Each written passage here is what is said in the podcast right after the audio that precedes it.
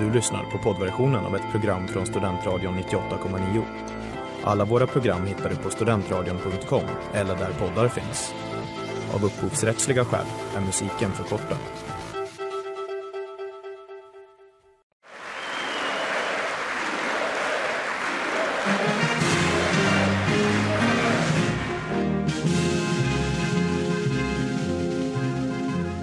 Sweden is one of our oldest and closest partners. sa det, det er är ett viktigt land för When I talk about democratic socialism, America will never be a socialist country. I'm looking at countries like Denmark and Sweden. We don't want to be Sweden.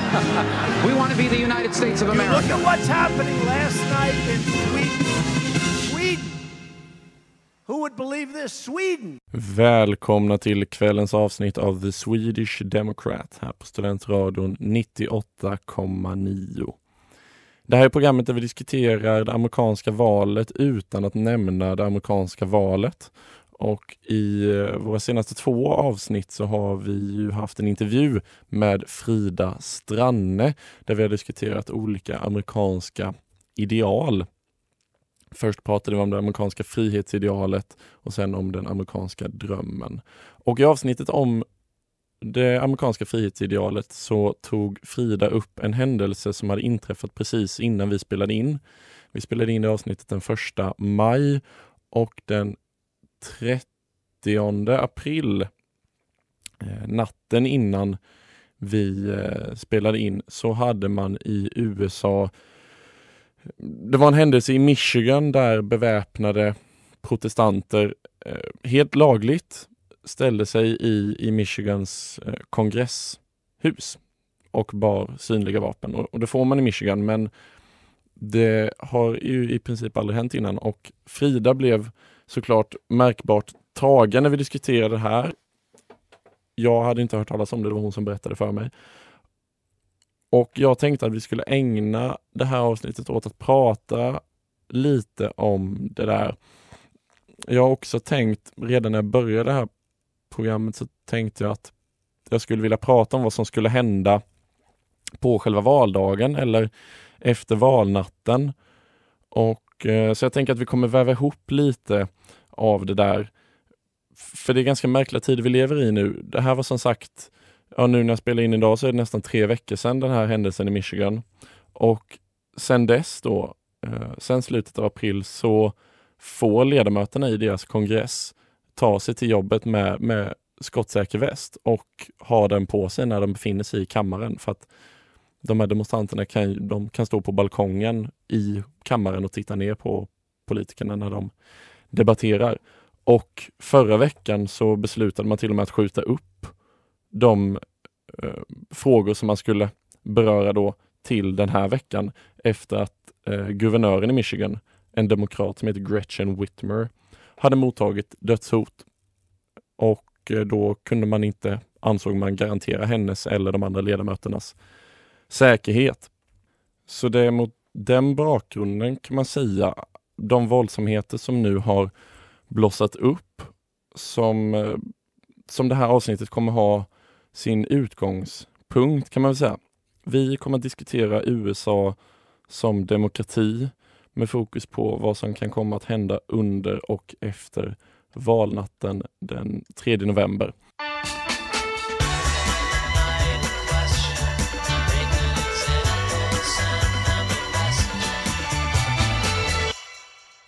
The Night in Question, TV Girl. Den amerikanska konstitutionen skrevs eh, 1787. Året därpå, 1788, så ratificerade de 13 kolonierna konstitutionen och den trädde i kraft 1789. Och författarna till konstitutionen brukar ju kallas the founding fathers och en av dem, Alexander Hamilton, känd från eh, den här musikalen Hamilton som gör, eller gjorde innan corona, succé på, på Broadway.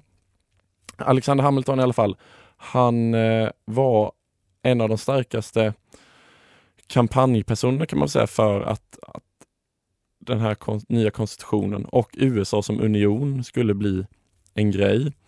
Och Efter att de hade författat konstitutionen så började de lobba för att kolonierna skulle rösta för den.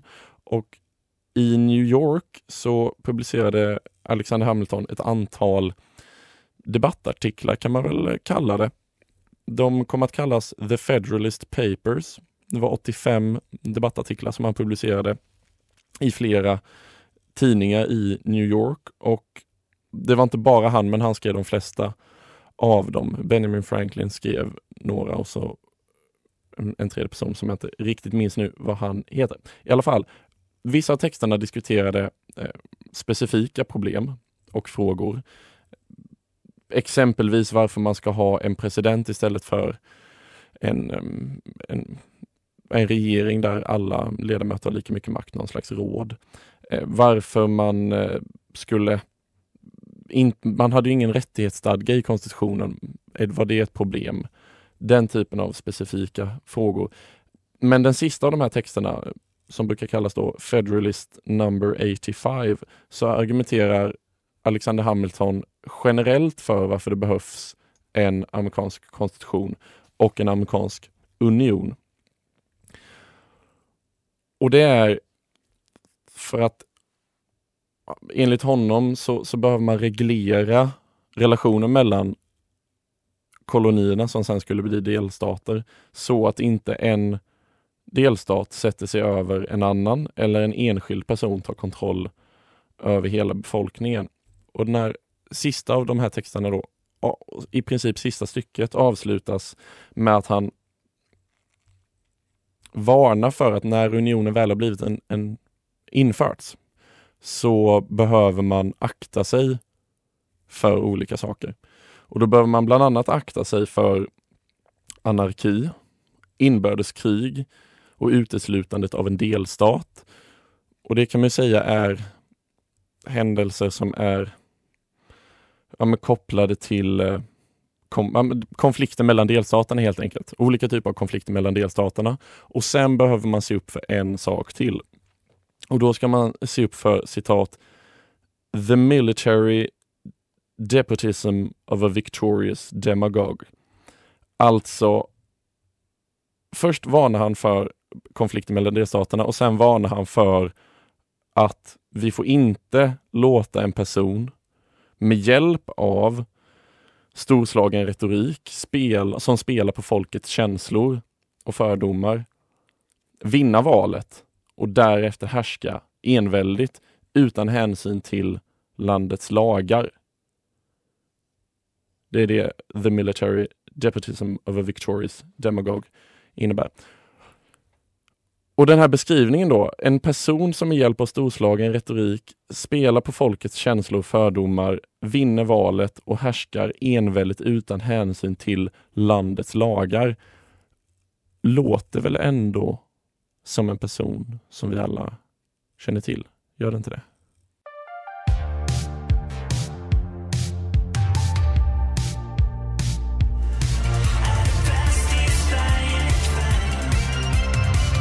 Bäst i Sverige, Junior Briell.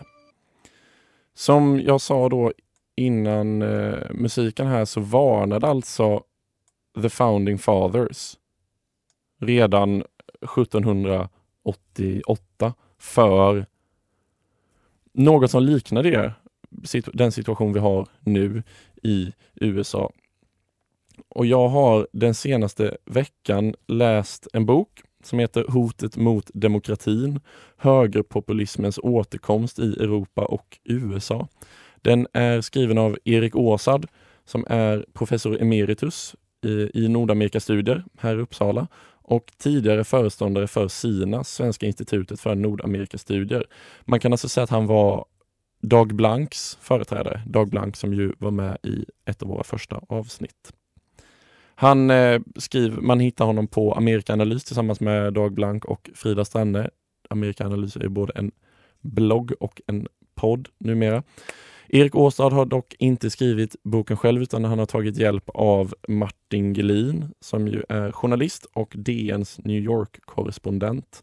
Han är eh, bosatt i New York sedan 2001 och har skrivit eh, flera hyllade böcker, bland annat Den amerikanska högen, Republikanernas revolution från Nixon till Trump och det amerikanska löftet Barack Obamas väg till Vita huset. Jag bjöd in de båda separat, eller vad man ska säga, eh, att medverka i podden, programmet. Erik var eh, mycket positiv, men våra scheman krockar lite nu. Han har ett projekt som han bedriver för tillfället och vi slutar ju sända nästa vecka. Så att eh, vi fick inte ihop det nu under våren, men ifall det blir ett, eh, en ny säsong till hösten så hoppas jag att kunna få med Erik så att han kan berätta om den här boken. Men, men jag tänker att jag drar igenom lite huvudtankarna ändå och så eh, kanske det blir ett mer utvecklat samtal till hösten helt enkelt. Den här boken handlar då om högerpopulism, både i USA och i Europa. Och den börjar med att de beskriver högerpopulismen som fenomen och sen utvecklingen i Polen respektive Ungern och sen högerpopulismen under Trump och sen avslutningsvis en analys över vad som kommer hända i framtiden. Och högerpopulism menar de då, eh, Åsard och Gelin, definierar de utifrån sex kriterier. För det första så krävs det en upphöjelse av folket. Ibland kallad det äkta folket. Det är ofta majoritetsbefolkningen och det ex exkluderar inte sällan olika minoritetsgrupper, invandrare, homosexuella, ibland olika ideologiska eller religiösa grupper. Sen nummer två är att det krävs en kritik av eliten och etablissemanget. Både etablerade personer och institutioner. Det tredje är en skepsis mot den representativa demokratin. Högerpopulistiska partier deltar i val men de ifrågasätter ofta den demokratiska processen, särskilt ifall de förlorar. Det fjärde är en önskan att återvända till någon slags svunnen guldålder. Och Det gör också att de här partierna inte har så mycket visioner om framtiden. Eller de behandlar inte framtidsfrågor. De har en vision om framtiden men den är att man ska gå bakåt i tiden.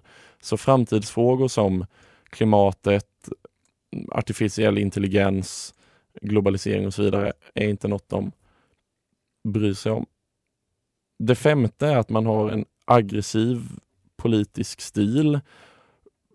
Man är kompromisslös, drar sig inte för förolämpning och personangrepp och så vidare. Och det sjätte är att man uppmuntrar konspirationsteorier. Ibland startar de själv men, men, men i alla fall uppmuntrar dem. Och högerpopulismen utifrån de här sex kriterierna är nu inne i sin femte fas enligt Åsard och Gelin.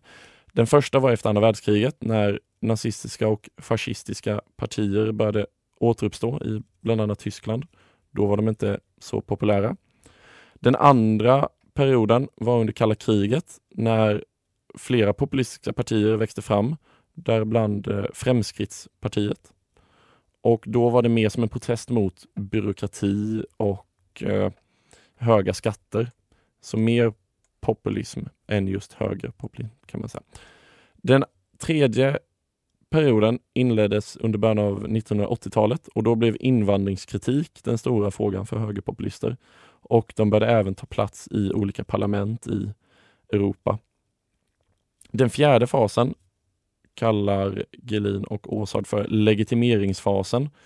Den påbörjades kring millennieskiftet. Bland annat när, det är svårt att säga när, men kring millennieskiftet. Vissa säger att det är år 2000 när österrikiska Freiheitliche Partei Österreich, förlåt för uttalet, som då har nazistiska rötter tar plats i det österrikiska, den österrikiska regeringen.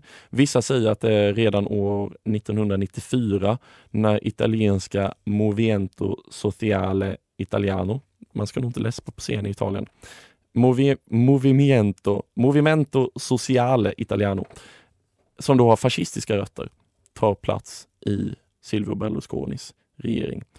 Så det här kallar de då legitimeringsfasen nazistiska och fascistiska partier får plats, inte bara i parlamenten utan i regeringar runt om i Europa.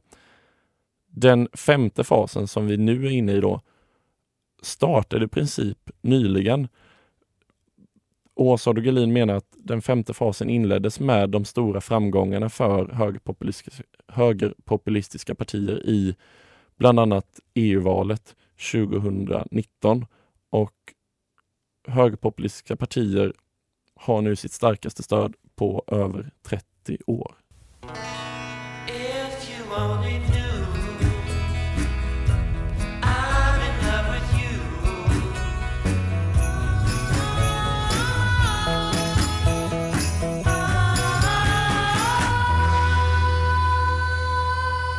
If you only knew Gold Star. Du lyssnar på The Swedish Democrat här på Studentradion 98,9 och vi diskuterar en bok som heter Hotet mot demokratin som är skriven av Martin Gelin och Erik Åsard och som behandlar högerpopulismens framväxt i Europa men framförallt USA. Och utifrån de kriterier som vi ställde upp innan så, så anser Gelin och Åsard att Trump är en högerpopulist. Sen går de vidare efter att ha beskrivit utvecklingen i Polen och Ungern som jag inte kommer ta upp här, men som jag verkligen rekommenderar. Det är en mycket väl... Eh, det är mycket, vad ska man säga? Det är en bra beskrivning av vad som händer. Efter att de har gått igenom det och börjar gå igenom situationen i USA så beskriver de hur Trump kom till makten. Och det är ett ganska uttjatat ämne. Vissa menar att eh, det beror på ekonomin, att folk som förlorade på framförallt finanskrisen var besvikna på etablissemanget. Den andra teorin är att det var den kulturella otryggheten, att man inte känner till det nya eh, USA i princip. Och eh, Åsa och Gelin de svarar att båda de här anledningarna är skälet till att Trump vann. Tidigare så, så var de, hängde de ihop till viss del. De vita, menar Åsa Dogelin, vägrade att ge rättigheter till de svarta därför att de vita såg inte de svarta som fullvärdiga medborgare. Och bara fullvärdiga medborgare ska få fullvärdigt stöd från staten. Så det var en både kulturell och ekonomisk fråga. Nu så är den kulturella otryggheten snarare kopplad till den amerikanska identiteten. Och som jag sa i mitt, min intervju med Dag Blank så kommer ju i mitten av 2040-talet att eh, då kommer de vita inte längre att vara en majoritet i USA. Och det skrämmer en del. Och i, vad ska man säga, den krisen som man då genomgår, den kulturella krisen som vissa genomgår, har bland annat visats i ett intressant forskningsexperiment som eh, Åsa Dugelin redogör för i boken. I det experimentet så var det en psykolog, Karen Stenner, som lät vita amerikaner beskriva sin relation till den amerikanska flaggan. Och när intervjupersonen, som då ställde frågor om hur de kände inför flaggan, var vit, så var försökspersonernas känslor ganska ljumna. Men när intervjupersonen däremot var svart så blev känslorna desto starkare för de här försökspersonerna. Och vissa kunde till och med börja gråta av stolthet och gråta när de pratade om, de blev upprörda över hur vissa skymfade den, den amerikanska flaggan och identiteten och kunde börja gråta av den anledningen. Så att känslorna blev mycket starkare när de pratade om den amerikanska identiteten med en svart person jämfört med en vit person. Och detta tyder då på någon slags rädsla för vilken typ av USA som kommer att eh, vi kommer att se när vita inte längre är i majoritet. De kommer fortfarande vara den överlägset största gruppen, men inte i majoritet. Och Trump växte då fram Klassiskt så brukar man säga att Republikanerna står på tre ben. Eh, det första benet är en begränsad stat. Man vill inte ha statligt inflytande. Det andra är en aktiv militär roll inom utrikespolitiken. Och det tredje är den kristna värdekonservatismen som man också brukar kalla guns, gays and God. Alltså att man är för guns, vapen, mot gays, homosexuella och älskar God, Gud.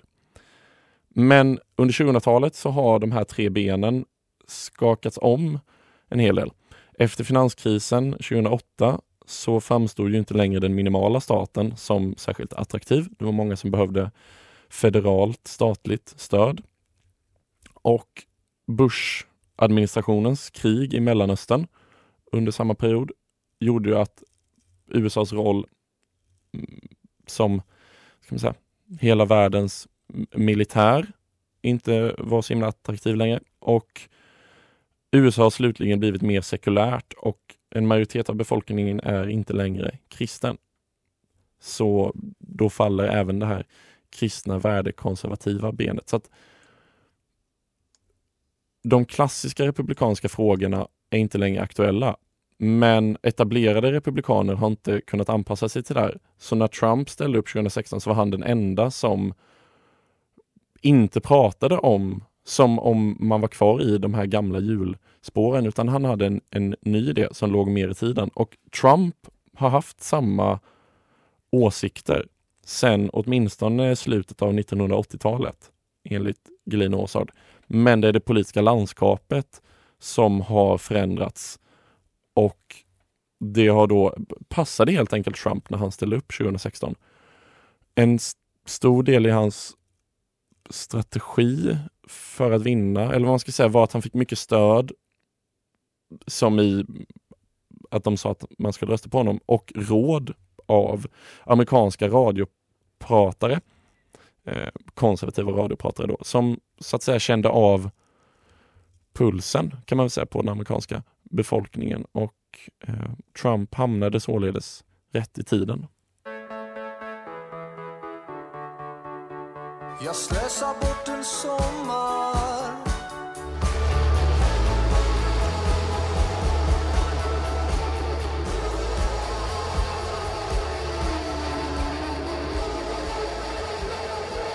Slösar bort en sommar med Terra.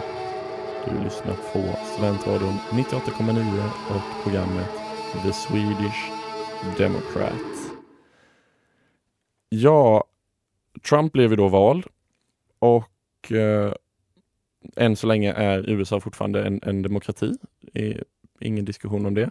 Men det finns de som menar att, att, att demo, eh, den amerikanska demokratin eh, är i fara.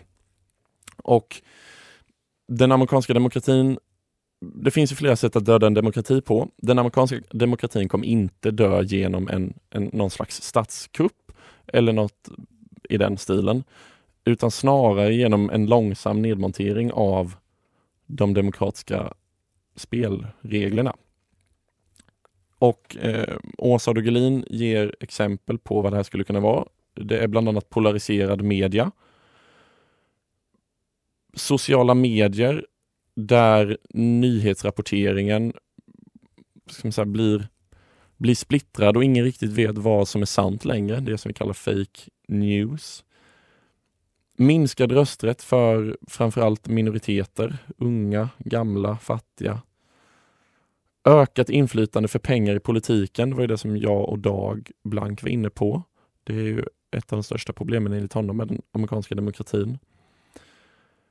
Men också demoniseringen av politiska motståndare samt ökade hat och våldsbrott. Det är saker som skulle kunna nedmontera de demokratiska spelreglerna.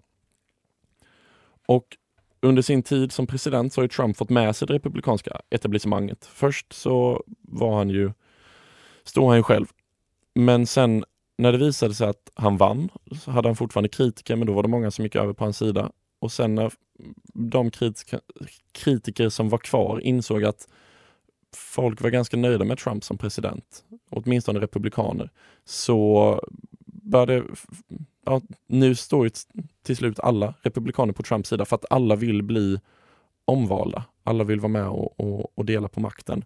Även det bästa exemplet är ju, eh, och vad heter han nu då? Lindsey Graham, ordförande i justitieutskottet. Han var ordförande i justitieutskottet innan Demokraterna tog över representanthuset. om jag minns rätt. Han var i alla fall kritisk till Trump, sa att han var unfit to be president månader innan valet och månader efter valet så sa han Hur kan ni anklaga president Trump för att vara unfit for president? Så Trump fick med sig det republikanska partiet och det republikanska partiet har, det här är inget nytt med Trump utan det har väl pågått en, en längre tid. Det republikanska partiet har enligt Gelin och Åsard monterat ner vissa demokratiska spelregler. Ibland säger man att båda partierna är lika skyldiga till att forma systemet så att det partiet som bestämmer ska kunna vinna mer. Det gäller bland annat hur röstfördelningen ser ut, det som kallas för gerrymandering, när man delar in valdistrikten på ett sätt som gör att man maximerar antalet röster för att få platser i, i kongressen. Men också vem som får rösta. Demokraterna vill ju att många ska få rösta och då handlar det inte bara om minoriteter utan demokrater vill att man ska få rösta ju yngre man är och även om man har suttit i fängelse och Republikanerna tycker ju tvärtom att unga människor och tidigare fångar inte ska få rösta. Men om man bortser från den typen av frågor så är Republikanerna trots allt värst. Republikanerna nekade bland annat tillsättandet av en domare i The Supreme Court, högsta domstolen i USA. Det anses ju vara en av presidentens mest betydelsefulla uppgifter. Man kan påverka den amerikanska politiken under en väldigt, väldigt lång tid om man lyckas få tillsätta en domare. Och Republikanerna tyckte då att när den konservativa domaren Antonio Scalia dog i början av 2016 att nej men det är ju valår i år så vi kan inte tillsätta en ny. Vi måste lyssna på vad folket vill. Trots att det var nästan ett år kvar till valet i november samma år. Så de eh, vägrade till och med, för det är senaten som bestämmer vem som får vara domare och det är presidenten som nominerar folk. Och de vägrade att låta Obama ens nominera någon. De ville inte lyssna på den här domaren då som hette Merrick Garland. För att man då skulle byta majoritet i Högsta domstolen. Den skulle för första gången bli liberal för första gången på nästan 50 år. Så det gjorde man. Eh, Republikanerna har ju också då under Trump kallat media för folkets fiende och beskyller sina motståndare för att vara anti-amerikanska. Det vill säga man tål inte någon form av kritik och man straffar till och med uttalat den del av landet som inte är republikaner. Man har till exempel strypt väldigt mycket federala medel från storstäder och delstater som till exempel tar emot många eh, flyktingar. Så kallade sanctuary, sanctuary cities. Så det har pågått under eh, några årtionden men det har blivit värre under Trump. Och det skyddet då som, som monteras ner är inte bara lagar, ut, ibland är det det, men det är ofta också vad Åsa och kallar för det mjuka staketet. Det vill säga normer, inte lagar, men, men normer som man ändå har förhållit sig till tidigare. Till exempel det här med att det inte ska väljas en ny HD-domare under valår. Republikanerna i senaten kan ju neka tillsättande, tillsättandet av en domare. Även om det inte är valår. De kan säga när vi väntar fyra år tills nästa val. Det får de om de vill, men man har inte gjort det innan för att tidigare har partierna varit villiga att kompromissa och förhandla. Men det har Republikanerna slutat med. Eh, Trump sparkade också FBI-chefen James Comey när han började utreda Rysslandsaffären. Och presidenten får ju sparka FBI-chefer om han vill. Men tidigare har man inte sparkat en FBI-chef för att FBI-chefen har börjat undersöka eventuella brott som man själv har begått som president. Så den typen av saker. Eh, den inflytelserika republikanen Newt Gingrich eh, sa i slutet av 1900-talet att om det inte är olagligt, gör det. Och det är väl republikanernas taktik under de senaste åren. Så enligt Gelin och Åsard räcker det då inte att man har starka lagar eller som i eh, USAs fall en stark konstitution, utan det krävs också det här mjuka staketet runt omkring som hindrar partierna från att vad ska man säga, en politisk hederlighet mellan partierna som förhindrar framväxten av auktoritära ledare och regimer. If I give you my time and give you my space, know that that shit's not to waste, yo. Still better know your place, yo. I ain't slept good in days, yo. Feel the baseline, feel the baseline. This is for the now, rise up. Might Bang Might Not med Little Sims. Ja, vad är det då vi har sett sedan Trump blev vald? Enligt en undersökning i The Economist anser 80% av Trump-väljare att det är okej att misshandla demonstranter på politiska evenemang. Trump har ju under sina valmöten uppmuntrat till våld mot både demonstranter och journalister och erbjudit sig att betala rättegångskostnader för dem ur publiken som väljer att hjälpa Trump att citat slå skiten ur dem slutcitat och se till att de får citat bäras ut på bår slutcitat. Det blev också väldigt uppmärksammat. Det var en nazistdemonstration i Charlottesville 2017 och då skedde det också en motdemonstration och då körde en vit maktsympatisör sin bil rakt in i den, in i den motdemonstrationen och dödade en kvinna. Och efter det här så sa Trump, han tog förvisso avstånd och sa att jag gillar inte nazister, men han sa också att det fanns very fine people on both sides. Och han undrade också om inte den alternativa vänstern, vad det nu är för någonting, var lika skyldiga som den alternativa högern, det vill säga nazisterna, till att den här kvinnan dog. Underförstått, hon får skylla sig själv att en nazist körde ihjäl henne. Trump har också velat anordna militärparader både under, under nationaldagsfirandet och hans inauguration, alltså ceremonin när han svärs in som president. Men militären har nekat båda gångerna. Trump, det här var också intressant, visste jag inte. Det har gjorts undersökningar kring våld i städer där Trump har haft valmöten. Och i städer där Trump har hållit valmöten under de senaste tre åren så har hatbrotten efter det tredubblats. Så vid Trump är alltså inte rädd för våld och det är inte heller hans anhängare som vi har sett till exempel i Michigan. Vad kan vi då vänta oss via en förlust? Ja, i förra valet 2016 så vann ju Trump elektorskollegiet som det kallas, the electoral college, med 304 mot 227 röster. Men han förlorade the popular vote, alltså antalet medborgarnas röster förlorade han, men, men rösterna kom från delstaterna på ett sånt sätt att han ändå vann. Och the popular vote vann Hillary Clinton då med 48% mot 46 Och elektorskollegiet är ganska ointressant tycker jag. Man kan tycka att det är odemokratiskt. Jag köper det. Eh, det har sina poänger. Men vad som är intressant är då att Trump han förlorade the popular vote med ungefär 3 miljoner röster. Och efter valet påstod Trump att Clinton hade fått 3 miljoner ogiltiga röster från papperslösa invandrare i Kalifornien.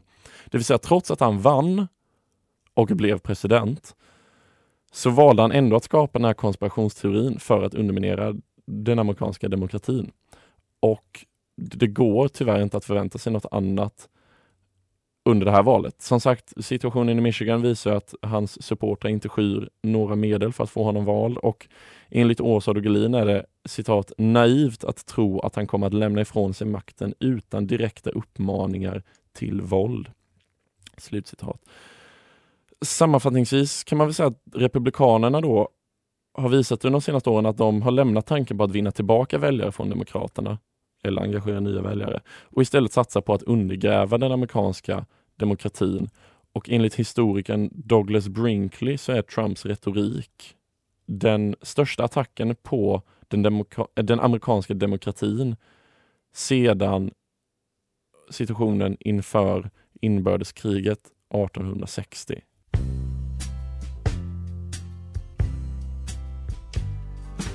We got lots of time get together if we try.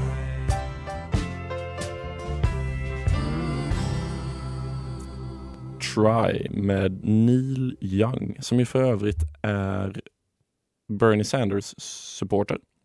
Stöttade honom i, kampanjade för honom i primärvalet.